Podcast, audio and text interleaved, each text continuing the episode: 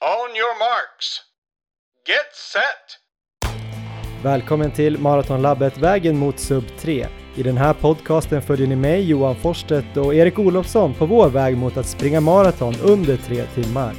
I det här 22 avsnittet pratar vi om våra magplask i förra veckans Stockholm Marathon.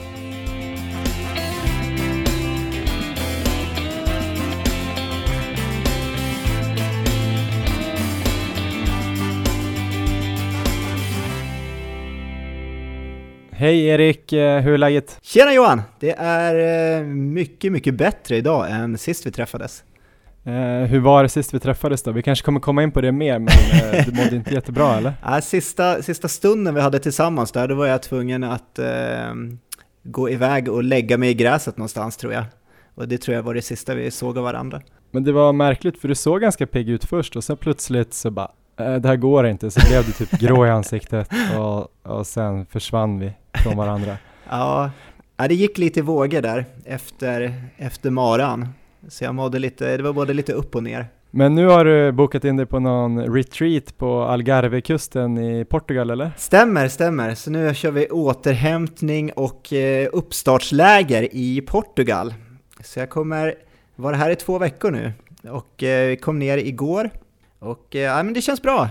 Jag känner mig jag känner att jag börjar återhämta mig och jag känner mig väldigt laddad för vad som komma skall långt, långt framöver. Då. Mm. Det ska bli spännande att se hur eh, det portugisiska ljudkvaliteten är eh, sen jag får klippa det här, men eh, vi hoppas att det låter bra där hemma. Ja. Erik har byggt en liten hemmastudio där i, eh, i Algarve. Har bra, är det bra löpmöjligheter där nere? Eh, ja, till skillnad från i Stockholm så är det så fantastisk temperatur att springa i. Eh, så vi ligger runt så 17 grader, vilket inte är lika populärt eh, för övriga familjen här som vill bada och sola och så vidare. Så att löpmässigt är det perfekt väder, men annars är det lite halvtråkigt. Men eh, idag var jag ute första passet efter Stockholm. Jag vilade tre dagar. Och eh, idag var jag mm. ute på en eh, morgonjogg skulle jag kalla det för. Så väldigt lugn jogg, 6 km eller 7 km kanske, klockan 06 på morgonen. Så det var väldigt mm. behagligt och väldigt lugnt. Eh, det kändes segt och jobbigt, men eh, det ska det väl göra också, så det var väl inte, det var inte helt oväntat. Nej, jag sprang lite igår faktiskt, eh, typ eh, 8 kilometer, men eh, jag vet inte, jag kände aldrig att jag riktigt fick ta ut mig på maran, vilket vi kommer till snart. Men, eh, så det kändes ganska bra, lite stel i, i kroppen, men det var främ främst för att jag kände att det var så tråkigt att gå in och köra konditionsmaskiner på gymmet, så jag kände att jag lika gärna kunde springa och så stretcha lite efteråt, så kändes okej okay ändå. Första passet efter Stockholm eller?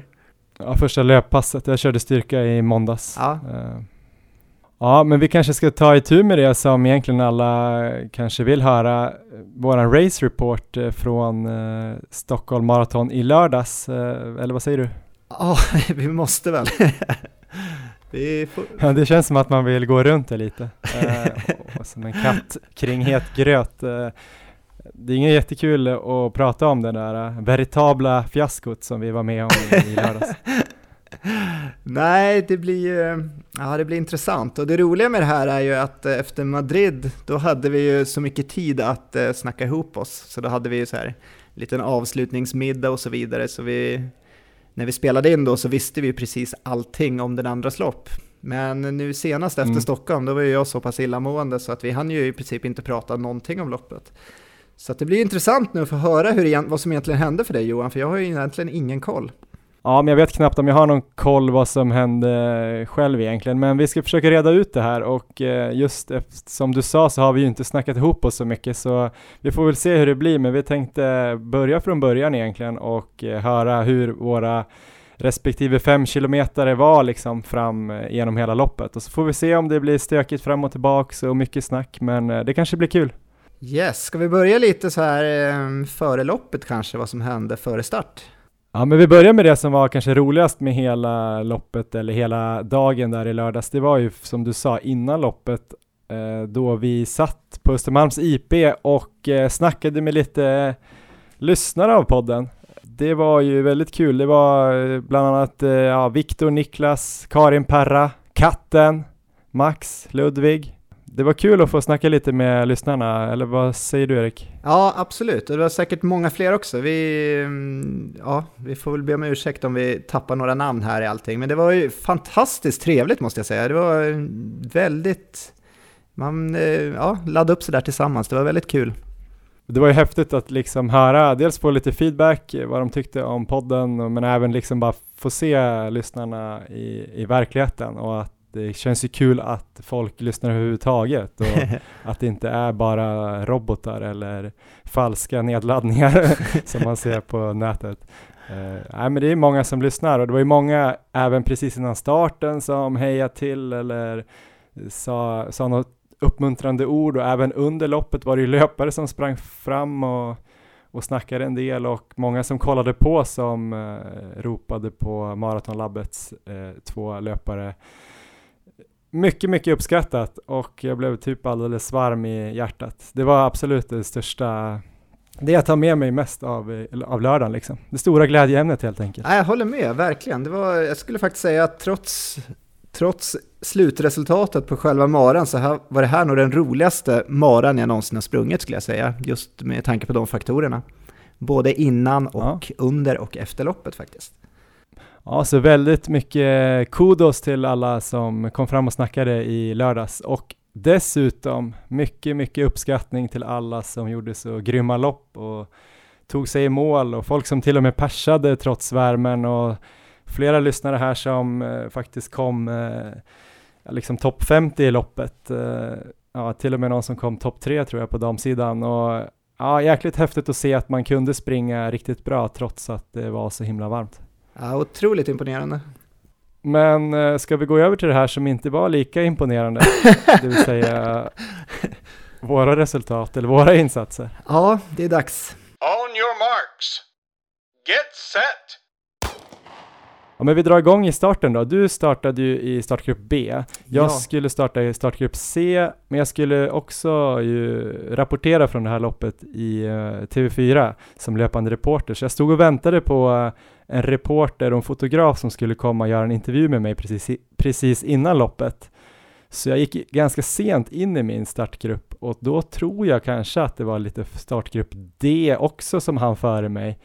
Eh, så jag kom ganska långt bak i starten. Eh, så det jag borde ha gjort borde väl ha sprungit fram till, eh, längst fram till starten och kollat om det där kamerateamet var där för att sen liksom smita in där framme någon gång någonstans och säga att jag var från fyran. Men hur som helst blev det en dålig start för mig. Det var helt stopp där på Valhallavägen redan och folk började springa upp på trottoarerna bakom de som stod och hejade och sådär. Så det var väldigt mycket folk och det släppte väl egentligen inte förrän eh, någonstans efter Odenplan. Alltså det släppte på lite ja. men eh, det var fortfarande väldigt trångt. Och Vallhallavägen där i början, då, då fick man ju till och med stå still ett tag. Så första kilometern, vad vart det då ungefär för dig?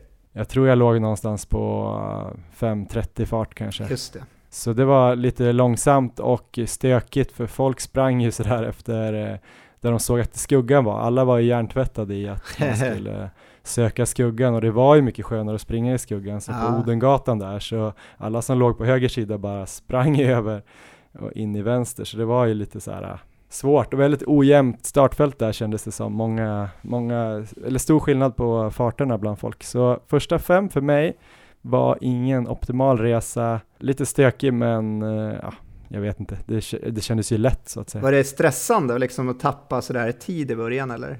Hur kändes det? Eller var du ganska okej okay med det? Jag kände nog att det var ganska okej okay utifrån tidsperspektivet, men däremot så började jag väl tänka lite grann på att det skulle bli svårt att eh, rapportera eftersom det skulle köra en motorcykel framför mig. Ah, och då var det så himla trångt där så tänkte jag det här kommer ju aldrig funka. Så det sprang jag ju tänkte lite grann på, men tidsmässigt så var det väl mest bara att man fick eh, eller det spelade inte så stor roll, men däremot är det ju alltid jobbigt när det blir sådär ryckigt tycker jag.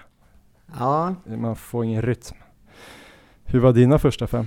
Första fem, eh, precis innan start där jag hade lämnat dig och det var väl en fem minuter till start så kom det fram en kille som heter Jakob och pratade med mig så vi stod och snackade där till starten gick. Så det var väldigt trevligt. Ehm, och han, eh, han gjorde för övrigt ett väldigt imponerande lopp och jag tror han sprang in på 2.58 i slutändan. Men eh, jag kommer ihåg att jag nämnde till honom där att jag, min plan för loppet var att springa lite så här efter puls, just med tanke på mm. att jag hade haft en lång sjukdomsperiod och så innan och jag var osäker på vilket tempo jag skulle gå ut i. Så jag tyckte, ja, jag nämnde väl det att jag ville springa ungefär som jag hade gjort på mina sista så här långpass innan jag blev sjuk, för då var jag ute bland annat på 25 kilometer som jag sprang under tänkt eh, marafart för sub 3. Så jag tror jag snittade på 4.12 på det passet. Så jag hade koll på pulsen ungefär under det passet och tänkte att om jag lägger mig någonstans där jag låg i det så kommer det kanske hålla bra. Um, så det var ju en så här, ja, tyckte jag ett snyggt upplägg som jag brände totalt direkt.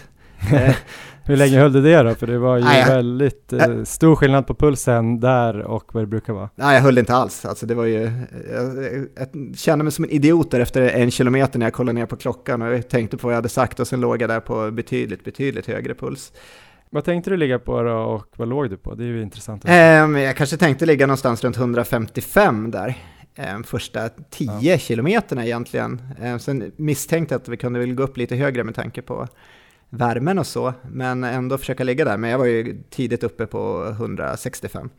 Så att det var ju stor skillnad och eh, det gick ju för snabbt också. Jag, på något sätt så hamnade jag ändå i den här sub 3-tänket tror jag. Så att jag, första fem kilometerna sprang jag på eh, 4.16 i snitt. Och det är ja. ju med tanke på förutsättningarna jag hade för det här loppet alldeles för fort. Så det var Eh, uselt genomförande av planen, så det var ett, eh, det är en riktig miss helt enkelt som jag får ta med mig och eh, det är så här klassiskt problem för mig som jag haft förut, att jag gått ut för hårt. Så att det var ju, det var dumt. Eh, men i övrigt där under de här första fem, det gick ju ner för ganska mycket så att jag hade ju problem i Madrid tyckte jag att springa ner för, för jag tyckte jag sprang och bromsade.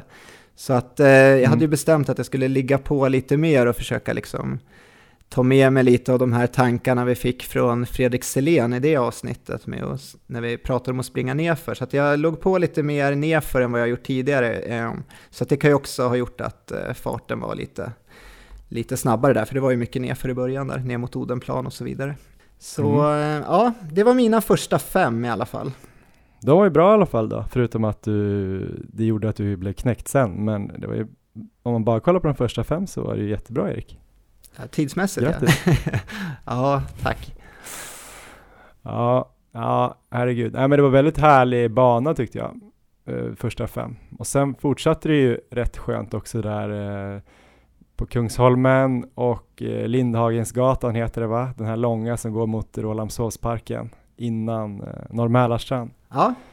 Där kom det faktiskt också fram en lyssnare till mig. Han hade sagt hej tidigare under loppet eh, och sen kom han fram där och frågade vad jag skulle ligga i för fart.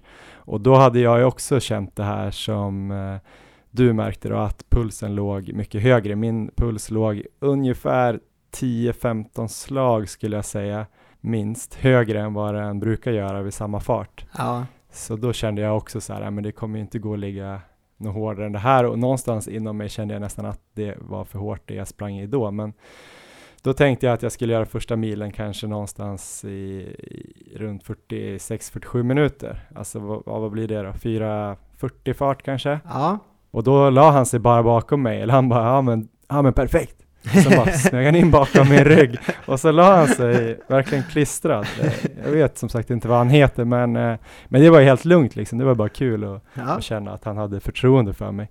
Vilket han nog kanske sen skulle ångra, eller han blev väldigt förvånad senare i loppet, men vi kommer till det. Men där kändes det väldigt stabilt, för då hade jag känt så här, ja men då hade jag accepterat värmen, eh, hur loppet skulle bli och så tänkte jag så här, ja men 3.20, det vore ju grymt. Skulle jag liksom eh, tappa så under 3.30, då skulle jag i alla fall komma in innan sändningen på TV4 tog slut. Ja. Så tänkte jag det får bli en kul, kul lopp, eh, njuta av all publik och se till att testa all den här energiintaget. Det var lite så jag kände och det kändes väldigt lätt i benen och så. Eh, så ända in i, till Kungsträdgården där så var det bara liksom, ah, nice att springa. Man försökte springa de här duscharna, det var helt platt. Ja.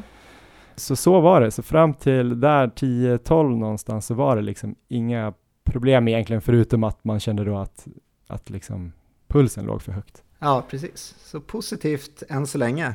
ganska själv då? Fortsatte det för dig så också fram till 10 eller? Um, ja, men efter fem någonstans då var det ändå, då började jag justera tempot för att då kände jag att det här kommer ju inte gå riktigt. Um, så att då kom jag väl ändå ner i någon slags uh, 4.25 snitt kanske som kändes mer rimligt för dagen. Ja. Så att det, jag kom ner i det tempot i alla fall och det var ju bra. Det var otroligt trevlig sträcka. Det var många som kom fram och så småpratade lite där under vägen så det var, det var väldigt kul. Jag kommer ihåg där ute på Kungsholmen att det var ju, ja, sprang och pratade lite. Den här Jakob från starten kom ikapp mig också så att han hade ju lagt upp loppet smartare förstås. Ehm, så att han kom mm. ikapp mig och eh, vi sprang och snackade lite en stund och sen så släppte jag honom också där.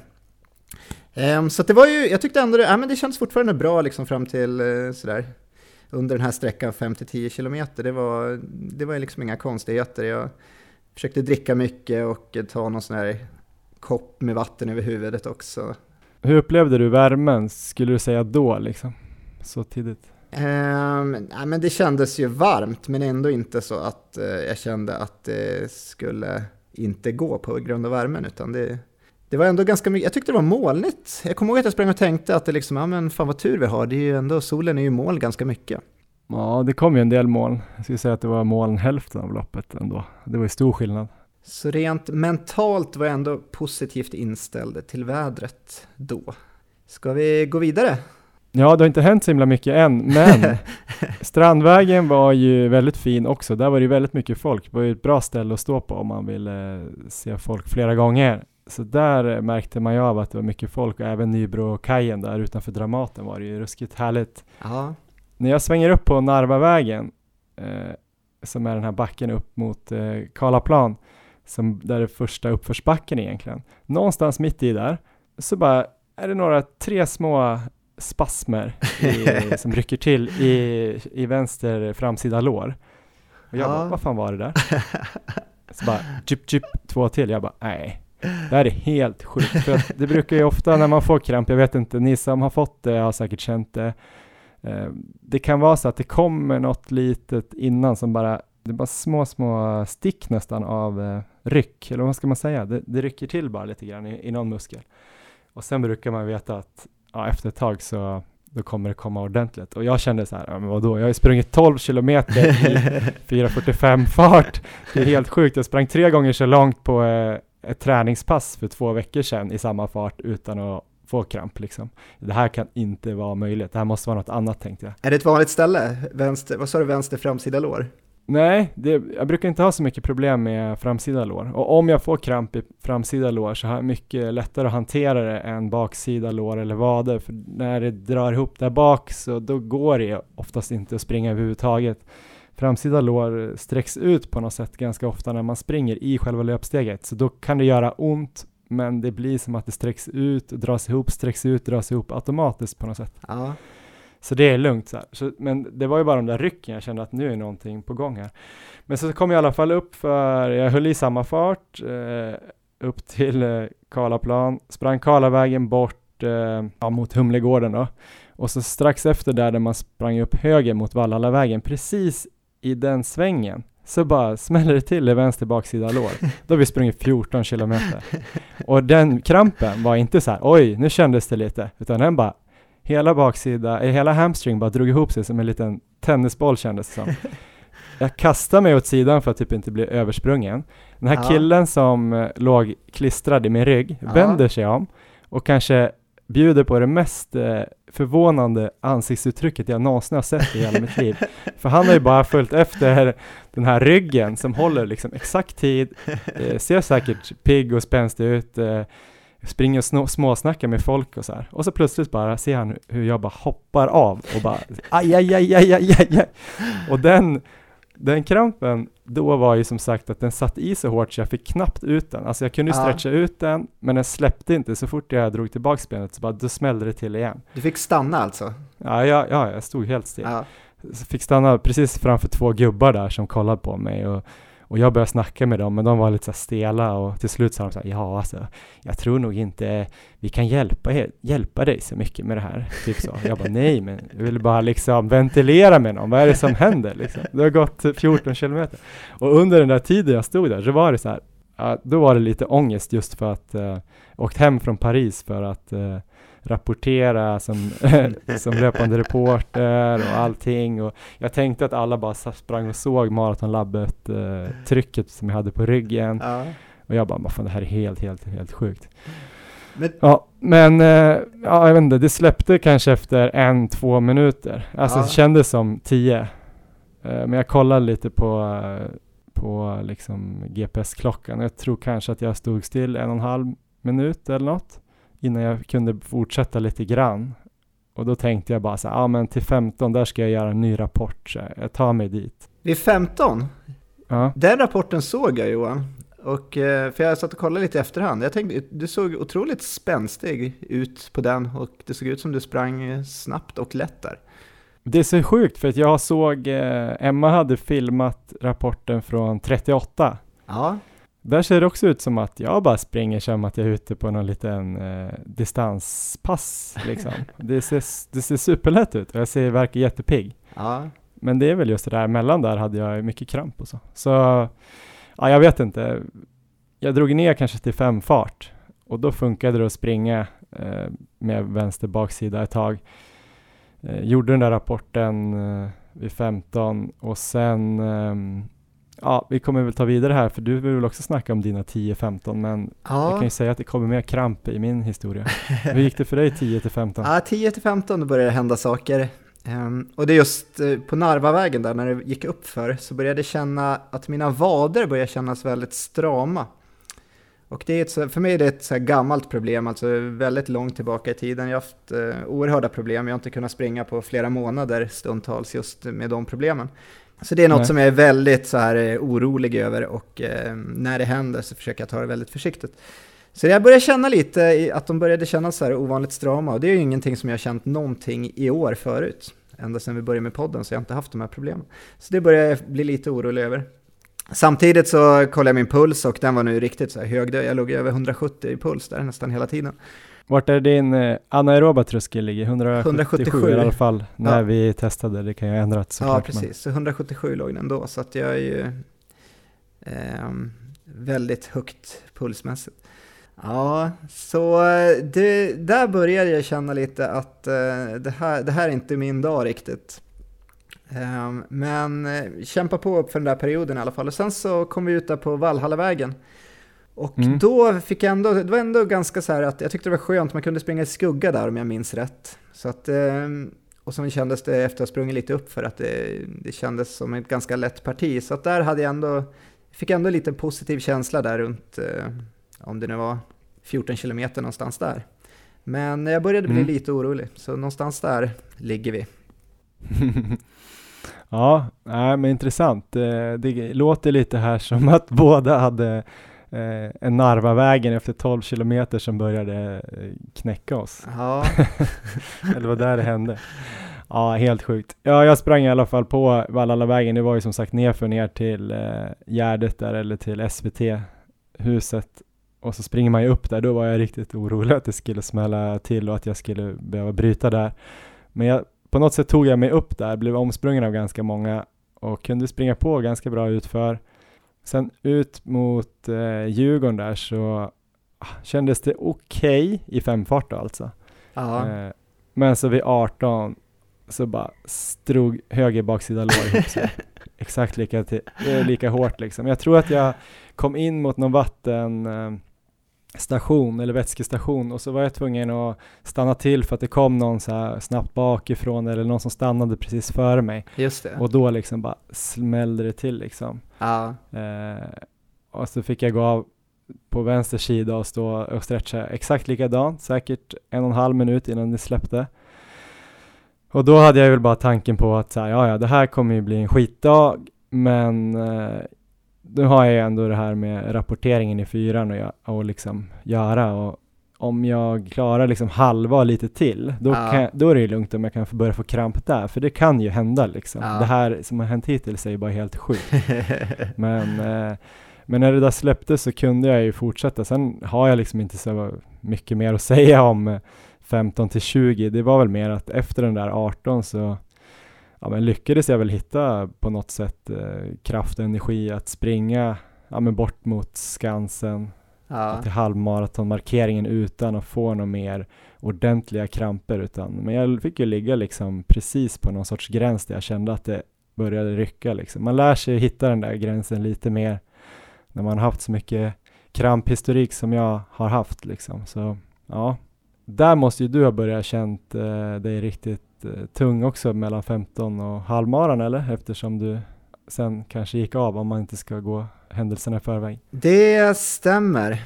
Ehm, mellan 15 och 20 kilometer, då för det första så mina vader började kännas ännu mer strama än vad de gjorde innan där. Så att eh, där kom första tankarna på att eh, det här kanske inte kommer gå. Så att eh, rent mentalt där så börjar jag, ja, börjar bryta, bryta ner mig lite. Nej, men jag kämpar på där i alla fall, trots det här. Jag har väl tappat lite i fart tror jag, så jag kanske ligger en lite runt 4.30-4.35 i snitt under den här perioden tror jag. Så jag vill, jag vill ju ändå inte bryta, jag vill ju springa hela det här loppet med tanke på att vi har gått igenom banan. Man vill springa och prova hela och eh, man vill ju inte bryta ett lopp heller, utan det är ju det känns ju som att det är inte helt bra kanske för den mentala biten om man börjar bryta. Men här kommer verkligen funderingarna att med tanke på vaderna, pulsen är fortfarande hög och sådär. Så att jag kämpar på i alla fall under den här perioden, men det börjar verkligen liksom bli jobbigt på, på alla sätt. Men vad tänkte du innan? Det skulle bara vara intressant att veta. Du kom ju ändå från eh, två veckor med lunginflammation typ och feber Ja. och folk sa att du kanske inte borde springa och, men du springer ändå. Tänk att du ska gå efter puls, skiter i det, ligger ändå på eh, 4.15 fart i början. Ja, Har du någon liksom strategi här eller har du bara släppt och du bara springer typ utan att veta någonting? Eller tänk, hur tänker du där vid 15 egentligen, hur du ska komma runt om du fortfarande ligger sådär högt i puls tänker jag? Ja, men det är ju bra och motiverade frågor och jag måste erkänna att min så här, raceplan för det här loppet var ju för dålig. Just med tanke på Ja. förutsättningar. Jag kan inte säga att jag, att jag gjorde det, liksom det bästa upplägget utefter hur formen och förutsättningarna var för dagen med väder och sådär. Så att det, jag hade definitivt behövt den här dagen att ha en riktigt strikt raceplan för vad jag skulle göra. För just där så springer jag nog och egentligen vet inte riktigt vad jag, hur ska det här gå. Utan ja, min tanke är väl bara, men nu får jag gå ner lite i tempo, sen så får jag försöka hitta något tempo som jag ändå kan klara mig runt i. Mm. För jag känner det liksom både för dig och för mig så var det in i det sista oklart eh, vad vi skulle satsa på. Dels på Ja. grund av vädret då såklart, men även på grund av andra faktorer som din sjukdom, kanske min hälsena lite grann, men också det här att jag ska vara med Ja, eh, och rapportera. Att det var liksom lite, båda två hade nog lite så här, ja men vi känner lite på det. ja Och verkligen. sen hade man ingen riktig tanke när det väl hände dåliga saker typ. Så. Precis. Att man fick ta lite beslut under loppet. Ah, ja, men du kände i alla fall av eh, vaderna där eller? Ja, det gör jag. Men jag kan tillägga det också att jag är väldigt imponerad över många lyssnare som här ehm, verkar ligga på en viss kapacitet. Och så, de har verkligen lagt upp liksom, loppen när man läser helt rätt sen och eh, Mm. ehm, följt, följt en bra raceplan och sprungit kanske lite över pers. Vissa har ju till och med persat i alla fall, men, eh, men tagit, tagit liksom beslut efter förutsättningarna och gjort det bra. Och, ja, det önskar jag att jag hade gjort, men så vart det inte idag i alla fall. Nej. Men eh, då är vi vidare till en väldigt intressant period tycker jag och det är mellan 20 till 25. Ja men precis, 20 till 25 var väl antagligen mer intressant för dig än vad det var för mig, men för mig var det i alla fall att vid halvmaran där ungefär så eh, träffade jag på någon 3.30-grupp, någon sån här ballongkille där som jag snackade lite med. Jag vet inte om det var för exakt min start eller lite bakom eller så, men det var ungefär 3.30 fart jag hade då. Jag tror jag passerade någonstans på 1.45, eh, vilket ju är jättelångsamt, men jag hade väl kanske tappat nästan fem minuter i bara stretchtid. Ja. Tre till fem minuter kanske skulle jag säga och eh, sen hade jag ju verkligen fått dra ner tempot bara för att inte få krampa liksom. Eh, sen började jag få lite känning, eller lite dålig magkänning. och Ah. det kände jag nog redan efter, när vi var på väg ut på Djurgården där, när jag fick den där krampen. Det var några bajamajor där då, som Ja. jag kommer ihåg det. Och så tänkte jag så här, nej men du vet, det, blev, nej, det var inte akut, så jag spring inte in där, vi får se om det kanske släpper. Men så gjorde det inte riktigt det, utan jag kände att det var lite så här oroligt. så då tänkte jag så här, nej men eh, vid halvmaran där, då tänkte jag så här, men nästa gång jag ser eh, toaletter så går jag på dem och gör ett besök där och ser vad som händer. men eh, jag är helt säker på att det ska komma vid halvmaran, men det gjorde ju inte det.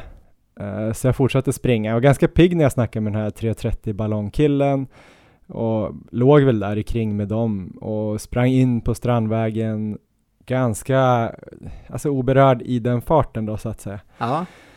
Uh, låg ju nu nere i aerob tröskelpuls ja. runt 150 skulle jag tippa. Eh, platt in mot stan, kul, eh, några kompisar som stod och hejade på mig, folk som skrek och sådär. Kändes väl helt okej okay egentligen och då tänkte jag så här, ja men eh, kan jag hålla det här stabilt till 25 så kommer jag i alla fall få prova på den där milen på Söder. Men hela tiden var det lite så här, oj oj oj, magen här känns ju inte hundra. Jag hade ju gjort en ganska eh, ordentlig energiplan liksom och ja. fått i mig väldigt mycket kolhydrater både inför och under själva loppet. Så det var väl det som jag sprang och tänkte på. Mycket mer har jag kanske inte att säga om den här eh, eh perioden i loppet. Det var ganska mycket oro, både för kramp och för magproblem. Ja, men det var väl lite så jag kände samtidigt då som jag försökte, försökte njuta av loppet och ta in liksom atmosfären. Det var ju härligt. De, de loppen tidigare jag sprungit i Stockholm har ju varit eh, betydligt kallare och betydligt mer regnigt och inte så mycket folk ute så här. Eh, så att eh, mm, det var ändå härligt på något sätt att se det här och uppleva det. Ja. Det tänkte jag väl också på. Och så var det en del oro för kramp och magproblem. Själv då? Det var här var ju en väldigt eh, avgörande del för dig kan man ju minst säga eftersom du inte kom så himla mycket längre. Det här är min sista del av loppet nu som du kommer ju få köra på själv i den här rapporten sen. Vid halvmaren i alla fall, jag tror jag passerade på 1.32,5 vilket ju mm. var för snabbt egentligen för eh, min form för dagen. Mm. Ehm, men eh, där i alla fall, eh, ja, då bestämmer jag att nu kör jag till 25 km och sen så tar jag ett beslut där. Jag får se hur det känns helt enkelt. För där har jag verkligen liksom tankar på att det här kanske inte kommer gå. Vaderna känns inte bra. Och eh, dessutom så, ja, det är ju jäkligt jobbigt helt enkelt för min puls är så pass hög som den är. Men jag kör på, det blir en lite roligare sträcka precis som du nämnde där när man kommer ut på Strandvägen och springer de där bitarna sen. Så att eh, eh, jag vill ändå liksom vara med och springa där. Så att eh, jag kör på där och jag tror det är vid 23 km ungefär så kommer det fram en, eller ja, springer i kapp en väldigt trevlig kille där som börjar prata med mig. Eh, jag kommer tyvärr inte ihåg vad han heter, men jag kommer ihåg att han var från Trångsviken i alla fall, uppe i våra trakter uppe i Jämtland. Um, så vi springer och snackar där, han sänker tempot ner i mitt tempo där som inte är så snabbt längre och spring, vi sp springer med en kilometer där kanske i alla fall. Och jag är ju i det här läget att jag kan knappt prata. Men han springer och snackar med mig ändå. Är så, han är så trevlig och så, så att jag försöker ändå prata, men det är, liksom, det är knappt jag klarar av det. Men i alla fall, så jag nämner ju där också att jag funderar nog på att jag kanske måste kliva av i alla fall. Och han börjar i alla fall peppa mig där med mycket bra pepp. Det är typ typ så här Stig Wiklund-klass nästan, att han, Stig Wiklund har sprungit ikapp mig och börjar liksom peppa. Så det är nästan så att jag börjar så fundera att äh, men det är klart jag ska köra på.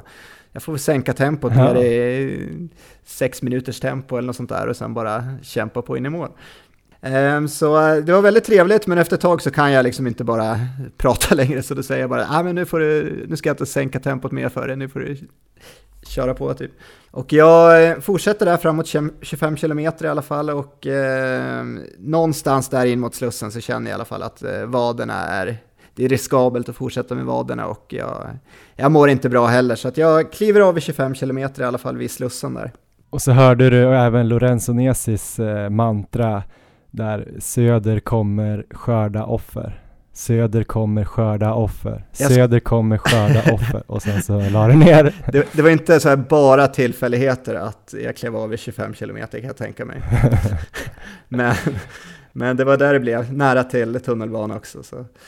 Så ja, jag fick helt enkelt kliva av där, jag gick ner vid tunnelbanan, den här walk of shame. Men hur var känslan då, då? Var det folk som skrek på det eller försökte få in dig i loppet igen eller bara brydde de sig inte eller? Jag smög liksom av på något sätt så att det, det kändes som att det, det, var inte så många som såg mig. Sen så var jag, jag var lite så här ledsen över att jag gick runt där med Maratonlabbets tävlingslinne efter att ha brutit loppet.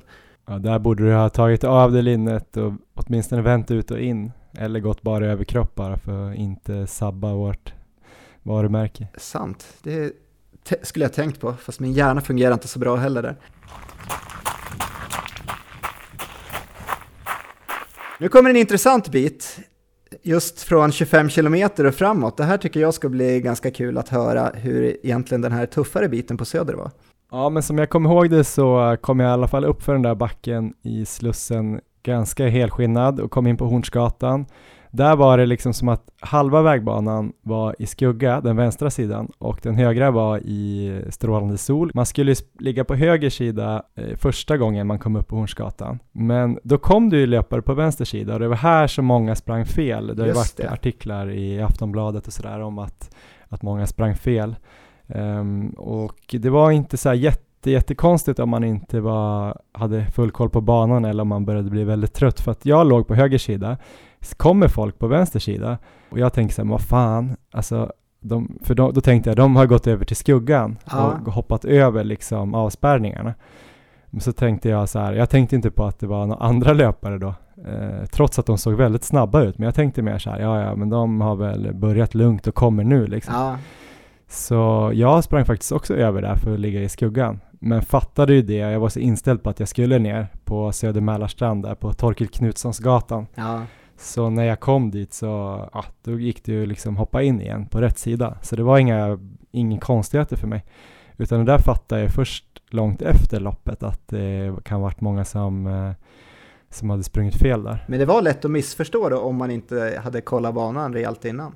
Ja, men det var inte så jättetydligt. Det var väl några så här stålstaket på några ställen och det stod några funktionärer som skrek lite grann och så var det några sådana här plastband. Men det fanns också ställen där man kunde komma över eller eh, under banden, för det var vissa ställen där det var övergångsställen för vanliga personer och där kunde de inte spärra av och sådär. Så det gick ju att komma över tror jag.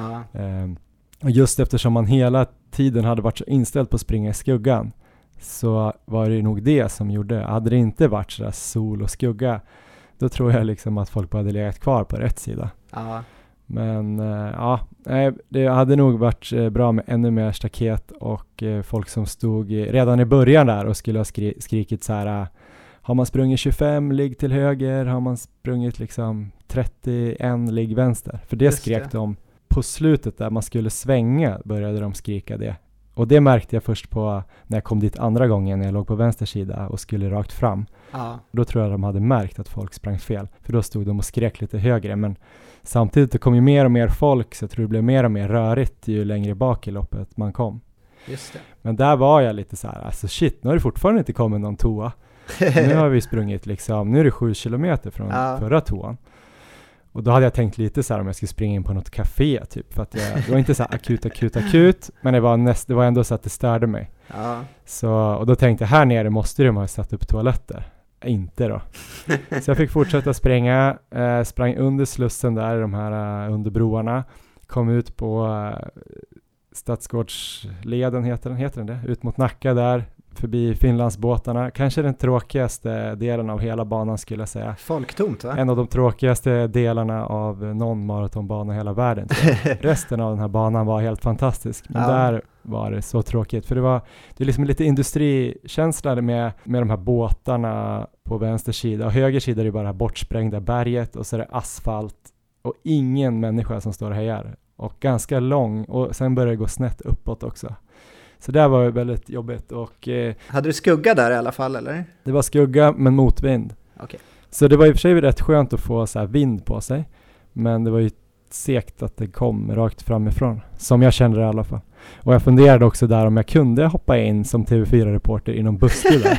För det fanns någon buske och sen bara smyga ut så här lite obemärkt. Eh, men slog bort det alternativet.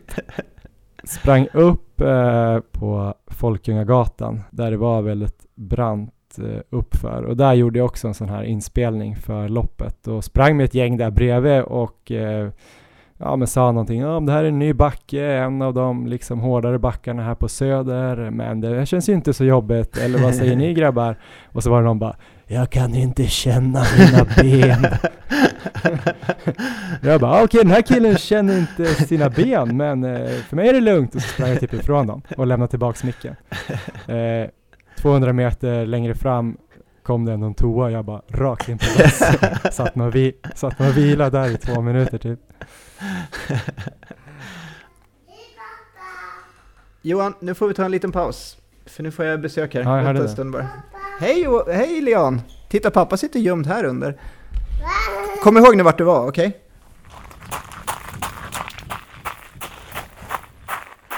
Ja men Erik, då uh, kör vi igång igen då. Vi blev uh, lite avbrutna här av en uh, portugisisk vinterbadare. Leon, din son, kom upp och frös lite efter att ha varit i poolen. Ja, men du lämnar mig någonstans i en bajamaja på, på Söder. Ja, Kan precis. Ska vi verkligen återgå dit eller ska vi, ska vi hoppa? En... Ja, men vi kan väl kanske fortsätta när jag kommer ut ur bajamajan. Ja, det är bra. Eh, ganska lättad faktiskt. Eh, det var väldigt eh, trevligt att gå på toaletten. Ja, Men det var väldigt skönt att fortsätta springa där upp på uh, Folkungagatan. Eh, ja, ni som har fått eh, lite magproblem under ett lopp eller långpass vet ju hur skönt det är eh, precis efter man har eh, tagit tur med det. och eh, ja, det är ganska stor skillnad att springa där. Så då var jag väldigt pigg igen och mycket folk längs eh, Folkungagatan som satt och drack öl på olika barer där och restauranger. Eh, Jag var väldigt pigg och skrek och skämtade med dem och frågade om ölen var god, hej och hå, så här klyschig löpare som behöver lite energi. Ja, kom upp eh, Medborgarplatsen var också mycket folk, där var det mer kaotiskt. Eh, Folk stod nära och skrek lite så här uh, cykelkänsla som du Härligt, pratade om att du ja. ville ha. Lite så här Tour de France, att Ja, de kom så riktigt nära. Eh, sen sprang man ner i den där tunneln och då blev det ju svalt och skönt men var inte så mysigt där med bilarna. hur lång var den ungefär? Jag vet inte exakt, 500 meter kanske? Okej. Ish. Så från Medis typ till Hornsgatan blir det ju. Så, och där var ganska intressant för jag, Hornsgatan gick väl eh, helt okej och så kom jag upp där på, vid Zinken svänger man ju av och så kom jag upp Lundagatan. Men då kom ju faktiskt en kille som vi mötte där i backen. Ja, Och då var det också så här, vad fan håller han på med? Och så skämtade vi lite grann så här, "Äh, fel håll. Vi fattade att han fattade att det var fel håll. ja, Och sen eh, lite senare uppe på Västerbron mötte vi också en löpare. Och det är först efteråt jag förstod att det måste ju vara löpare som har fattat att de har sprungit fel och bestämt sig för att springa tillbaks och springa hela banan och inte, för jag vet att några sprang ju fel där vid 26 eller vad det var ja, och sprang resten av banan och så fick de eh, de fick ett kortare lopp, jag tror de fick 36 kilometer eller något sånt. just sånt. det. Men eh, sen var det nog vissa som eh, vände och eh, sprang tillbaks och sprang rätt som kanske fick då ja, 45 eller 48 beroende på hur långt man hade sprungit fel. Men han som kom på Västerbron, han Ja. hade ju hun- hunnit riktigt långt alltså. Så, ja. Tänk dig någon av de här veteranerna som har sprungit varje lopp om de inser att de har sprungit fel där uppe. Det måste vara riktigt tufft. Ja, men det var jobbigt. Men eh, ja, jag kommer inte riktigt ihåg så mycket från loppet för här var jag mer så här, ja men nu försöker jag supa in atmosfären. Jag stannade säkert och stretchade någon gång. Jag kommer inte exakt ihåg den här sträckan mer än att eh, de där backarna som vi hade snackat om innan var såklart jobbiga. Men eh, känner mig hyfsat pigg upp för Lundagatan och även upp för Västerbron ändå.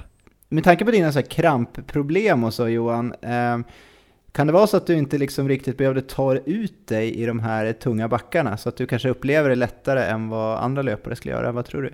Ja, ja, självklart var det så. Eh, det är inget, eh, ingen tvekan om den saken. Jag låg ju så att jag inte skulle få kramp och då betydde det att jag var tvungen att gå ner Ja, ganska mycket hastighet. Så jag var ju pigg hela loppet i huvudet och eh, ja, men som jag brukar säga ovanför höfterna typ.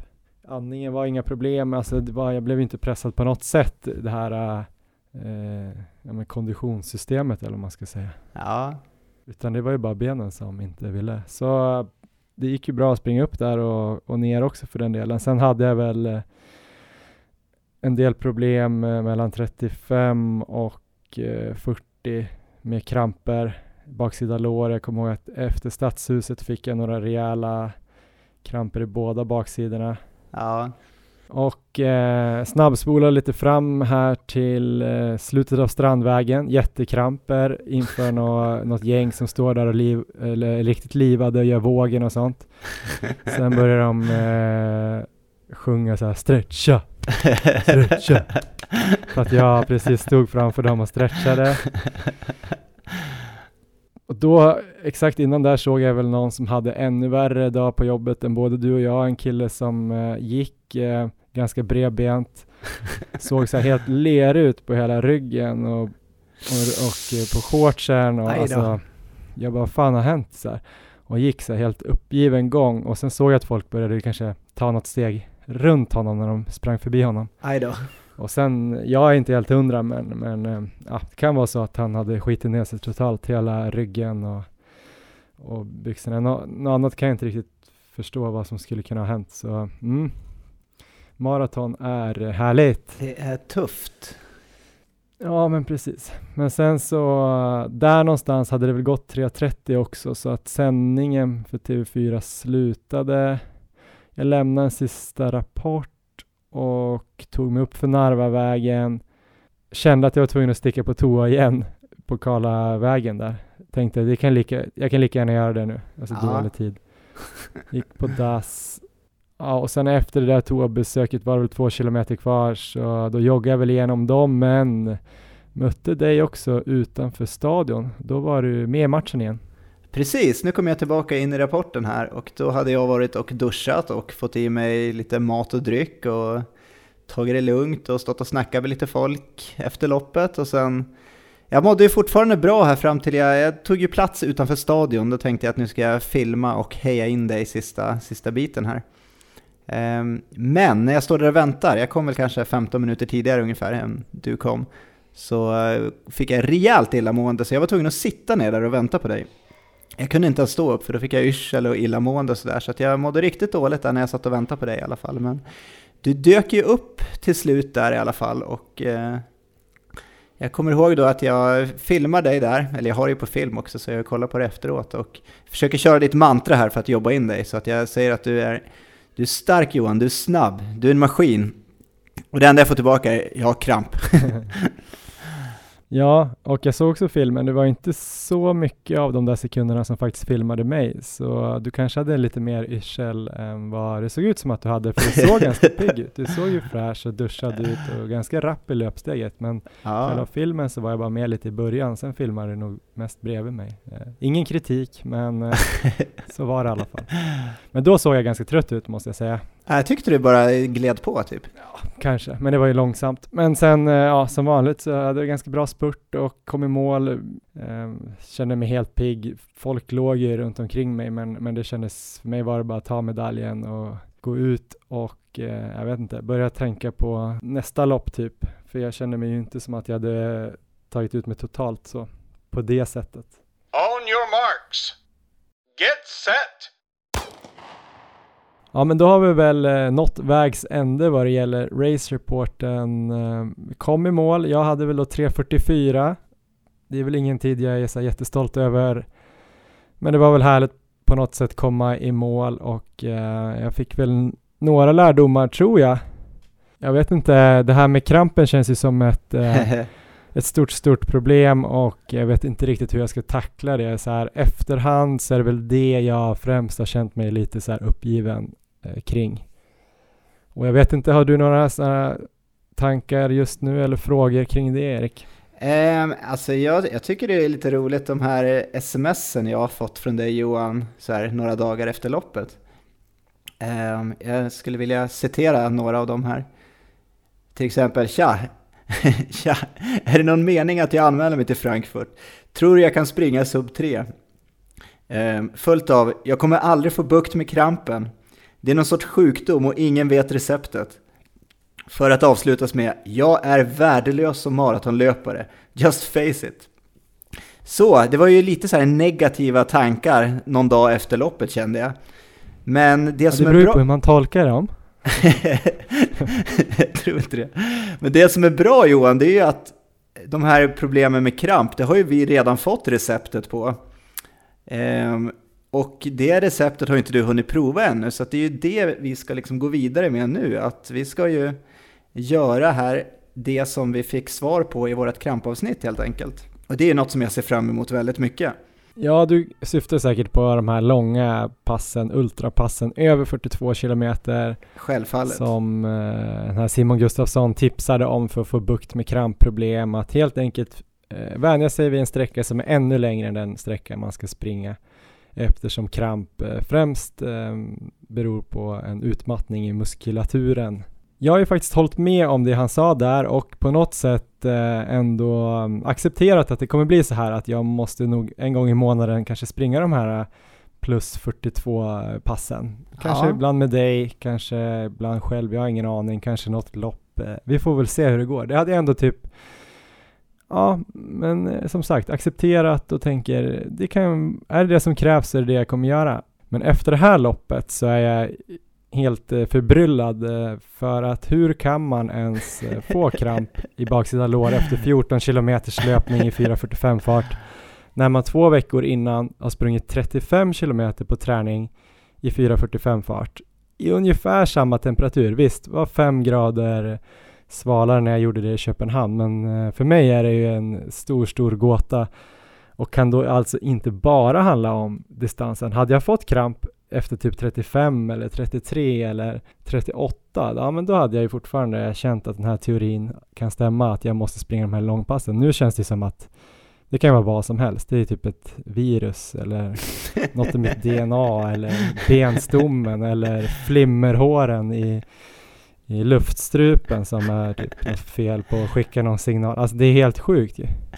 Ja, alltså jag tror ändå med fem graderna kan det göra en del. Så att värmen ligger nog bakom mycket. Sen så, jag vet inte, kan det vara någon slags mental spärr du har? För att det är just i maran det känns som att de här krampproblemen har kommit va? Ja, Lidingöloppet, Maror, eh, Vätternrundan, Vansbro, Vasaloppet, you name it. Springer du och tänker på krampen i de här loppen? Hade du några funderingar? Ah, kanske kommer komma snart. Kan det vara så att det attraherar dig på något sätt? Ja, jag har funderat på det nu efter det här sista. Jag har ju ändå hört förut att alltså, kramp är ingenting som man kan liksom få fram mentalt, men ibland har jag väl funderat på det att jag någonstans har i bakhuvudet att den kommer komma och att jag kanske undrar då undermedvetet att undra när den kommer. Men det var inte så att jag sprang första 12 kilometerna och tänkte på kramp nu, för det, jag hade ju verkligen tänkt att om det skulle komma, skulle det komma 30-35 kanske, tidigast. Ja, Det kanske kan vara en liten anledning och det skulle vara väldigt intressant om man hittade någonting om det. Men jag har googlat lite på det faktiskt och inte hittat någon som snackar om det. Så att, eh, men du kanske, det ja, jag vet inte. Har du någon tanke? Ja, vi får väl köra helt enkelt, vi får väl heltäcka det här under de här 20 veckorna vi har. Vi kör de här långpassen en gång i månaden och andra långa pass. Du får ta med dig spad och saltgurka var det väl. Och det var hot shots och grejer vi pratade om. Vi får väl täcka in allt helt enkelt. Så eh, gör allt inför Frankfurt som bara går och eh, så ska det nog vara lugnt tror jag. Ja, det enda man får göra som du säger, man får väl ta olika faktorer som man tänker att det kan bero på. Och så får man ta bort en i taget på något sätt och se vart det landar. Jag vet ju att eh, i krampavsnittet snackade vi lite om det här med om man hade väldigt eh, vätskefyllda muskelceller, alltså typ ett högt osmotiskt tryck eller vad det kallades. Ja. Jag tror vi pratade om det, att vissa var ganska känsliga för eh, kolhydratladdning och mycket vätska och så. Det kan jag ju tänka mig kan vara ett problem för mig, för jag har ju alltid upplevt det som lite orättvist att jag har tränat ganska bra, laddat upp ganska bra eller väldigt bra och sen får jag ändå kramp lite för tidigt. Så det är möjligt att jag är en sån som är lite känslig för det och kanske då inte ska ladda lika hårt helt enkelt. Kanske träna lite hårdare längre in på och sen eh, få träna upp mig så jag blir så bra så att jag inte behöver en superkolhydratladdning helt enkelt. Jag vet inte. Ja, det blir spännande. Vi får, vi får jobba fram en plan. Kände du att du fick något svar eller någon, något så här problem eller har du glömt allt dåligt? Eh, Kände du att du lärde dig någonting sådär? Alltså något som jag ändå kommer, eller som jag kan ta med mig från Stockholm, det var ju att eh, i slutändan var det ett väldigt bra beslut för mig att eh, kliva av i 25 kilometer. för det illamåendet jag fick sen efter loppet. eh, ja, det tog mig väl, efter jag lämnade dig där så tog det väl kanske nästan två timmar att bara ta sig ner till tunnelbanan vid stadion. Jag låg ju där utslagen på någon gräsmatta och tog mig 20 meter i taget ungefär, så det var fruktansvärt illamående efteråt. Plus att mina vader var otroligt strama dagarna efter, så det var knappt så jag kunde gå dagen efter. Så hade jag fortsatt springa så tror jag det kunde gått riktigt illa där. Nu så klev jag av i tid för att det har släppt här dag för dag och idag när jag var ute och sprang 6-7 kilometer så kände jag ändå att det fungerade även om jag kände av det. Så tar jag det lugnt nu och springer på lugnt i ett par dagar så kanske om en vecka eller någonting kommer jag kunna börja träna på bra igen. Ehm, men annars mm. det jag tar med, det var väl att det var det roligaste maratonet jag någonsin har sprungit. att det var ju en fantastisk stämning i Stockholm och det var jättekul att träffa alla fantastiska människor längs banan. Ja men det var faktiskt grymt kul att eh, få träffa en hel del lyssnare och eh, stämningen runt banan var ju magisk. Eh, så det var en grym boost. Eh, sen har jag några andra faktiskt positiva grejer som jag försöker fokusera på nu när jag lämnar det här loppet lite bakom mig. Jag fick testa en ganska ordentlig energiplan. Jag gick ju in med att försöka få i mig minst 60 gram kolhydrat per timme och jag hade ju även de två dagarna innan käkat ganska mycket och druckit lite sådana här kolhydratdrycker. Ja. Eh, det kändes inte riktigt som att eh, min mage kunde hantera det. I alla fall, speciellt inte nu i värmen och sådär. Nästa riktigt långa pass ska jag testa lite, lite lugnare med hur mycket jag ska få i mig. Eh, sådär, så får jag prova det. Men det var kul att få testa det. Och sen eh, hälsenorna, det är lite samma där som du snackade om att du gick av i tid. Eh, mina hälsenor hade vi lite farhågor om på, på, förhand där, om de skulle hålla och så. Jag har haft lite känning och de eh, kändes inte i princip alls under loppet. Jag tror jag hade så mycket annat att springa och oroa mig för så att, eh, jag kände inte av dem.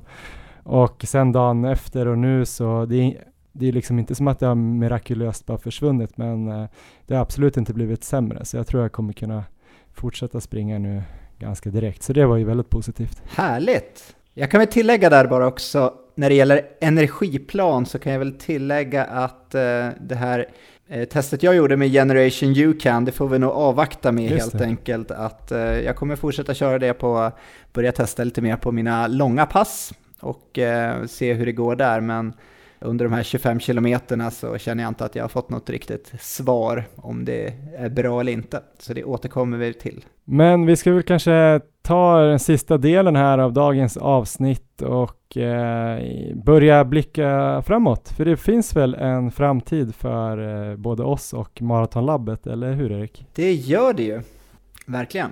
Ja, och hur lyder den då? Vi har väl, um, som många sett kanske då på vår Instagram, där vi heter Maratonlabbet, så har vi faktiskt uh, båda två har ju varit igång och sprungit något pass här och uh, åtminstone jag har ju faktiskt då anmält mig till Frankfurt Marathon 28 oktober, även bokat flyg och hotell, så nu, nu jävlar, nästan en återvändo, typ.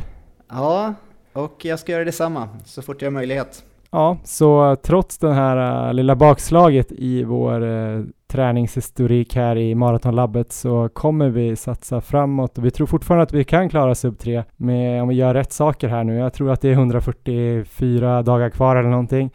Så det blir några löppass man hinner med tills dess. Och eh, vad tycker du Erik? Borde inte de här lyssnarna här också kanske mm, skaka av sig den här maran oavsett hur det gick och sikta på något mål i höst när de ändå har tränat här hela vintern och våren? Verkligen, oavsett om man nu sprang och inte nådde sitt mål här med tanke på värmen och annat eller om man inte sprang och eh, vill sikta framåt så är det ju det är gott om tid nu till alla de här härliga höstmarorna som går. Det är väl runt 20 veckor eller liknande. Kanske lite mindre på vissa, men det är väl läge att eh, gå in och anmäla sig nu helt enkelt och ta rygg på oss här i träningen framöver. Ja men precis, för vi eh, har ju då tänkt att vi ska fortsätta göra den här podcasten åtminstone över Frankfurt och vi har eh, en hel del roliga ämnen på gång till exempel då kost på lång sikt, mental träning på lite mer lång sikt. Ehm, vi ska snacka styrketräning för löpare, rörlighet för löpare. Vi ska till och med prata återhämtning. Det tror jag kan vara ett jättebra avsnitt för dig Erik. Du slipper bli sjuk hela tiden. Verkligen. Och och eh, ja, men det är mycket som kommer att komma som vi ska nörda ner oss i, eh, hoppas vi, både för att eh, lära oss själva och även förhoppningsvis att ni ska kunna snappa upp någonting. Så det kommer bli lite experter vi ska intervjua också, inte bara vårat, vårat eh, tomma snack. Ehm, sen har vi också kollat på lite, lite maror här, bara för att ge några exempel på vad ni skulle kunna springa. Ni kan ju såklart eh, anmäla till Frankfurt Marathon 28 oktober som är en flack, eh, väldigt flack bana, tysk precision tänker jag i organisationen och eh, ja, annars så fick väl du tips där i, i något tält eh, efter Stockholm Marathon, Växjö Marathon va? 20 ja, oktober. Ja, precis. Det var faktiskt i duschen efter, efter maran när du fortfarande var ute och sprang så snackade jag med en kille där som rekommenderade Växjö. Um, och det är en varvbana alltså, jag tror man springer åtta varv om jag minns det rätt. Och det ska vara extremt flackt och uh, det kanske låter tråkigt att springa åtta varv tycker många och det kan det ju vara. Det sa han väl också att det var, men det var ju, ett annat plus var ju att han tyckte man hela tiden hade liksom ryggar att springa med. Att man liksom kom in på lite olika varv. Ja, två meter lutning per varv ska det vara också, så det ja. låter ju som att det är minimalt med höjdskillnad. Det tycker jag låter lagom. Annars om man vill springa i Sverige så går ju Jönköping Marathon 18 augusti. Eh, om man bara vill cruisa vidare på den formen man har nu och eh, ja, fixa till lite detaljer. Helsingborg Marathon verkar trevlig också 1 september. Där verkar det gå lite på eh, grus och kanske till och med på gräs men eh, 70% asfalt tror jag. Eh, vill man åka utomlands så tror jag att eh, förutom Frankfurt så kan Köln Marathon 7 oktober var trevligt. Eh, verkar väldigt flack och det är en rolig stad också. Även Amsterdam 21 oktober. Mm, där ska det vara otroligt flackt. Och, eh, Spännande. Eh, ja, det är toppen att springa där. Berlin är väl den som vi pratade om att springa när vi, innan vi startade här 16 september. Men eh, där är det lite krångligare att anmäla sig, så jag vet inte om det går att göra det nu, men om någon hittar någon sån biljett så är ju det en supertrevlig stad och eh, kanske en av de snabbaste banorna i världen. Världsrekordet är väl från Berlin, Dennis Kimetto. Stämmer. Eh, så där kan man springa sub 2.03 om man vill. Men eh, jag hoppas att folk blir lite peppade och eh, vi ska försöka bli mer och mer peppade eh, ju längre vi kommer in i den här nya träningscykeln och vi kommer ju som sagt snacka mer om eh, träningsplanering igen för vi kommer ju lägga upp eh, ett, en ny träningsplan här, både du och jag Erik, eh, ja, på de här 20 veckorna. Och där får vi väl se vad det kommer innebära för att kunna förvandla de här snabba tiderna vi har på mil och halvmaraton till att faktiskt bli en sub 3. Det ska ju gå enligt tabellerna, eller vad säger du? Tror du fortfarande att vi kan klara det? Ehm, jag tror vi kommer klara det, men eh, det kommer krävas en riktigt bra planering och att eh, jobba hårt på alla delar i 20 veckor. Men eh, det är jag övertygad om att vi kommer göra. Mm. Vi är ju maskiner. Vi är starka, vi är lätta, vi rullar fram oftast. Verkligen, och vi får aldrig kramp.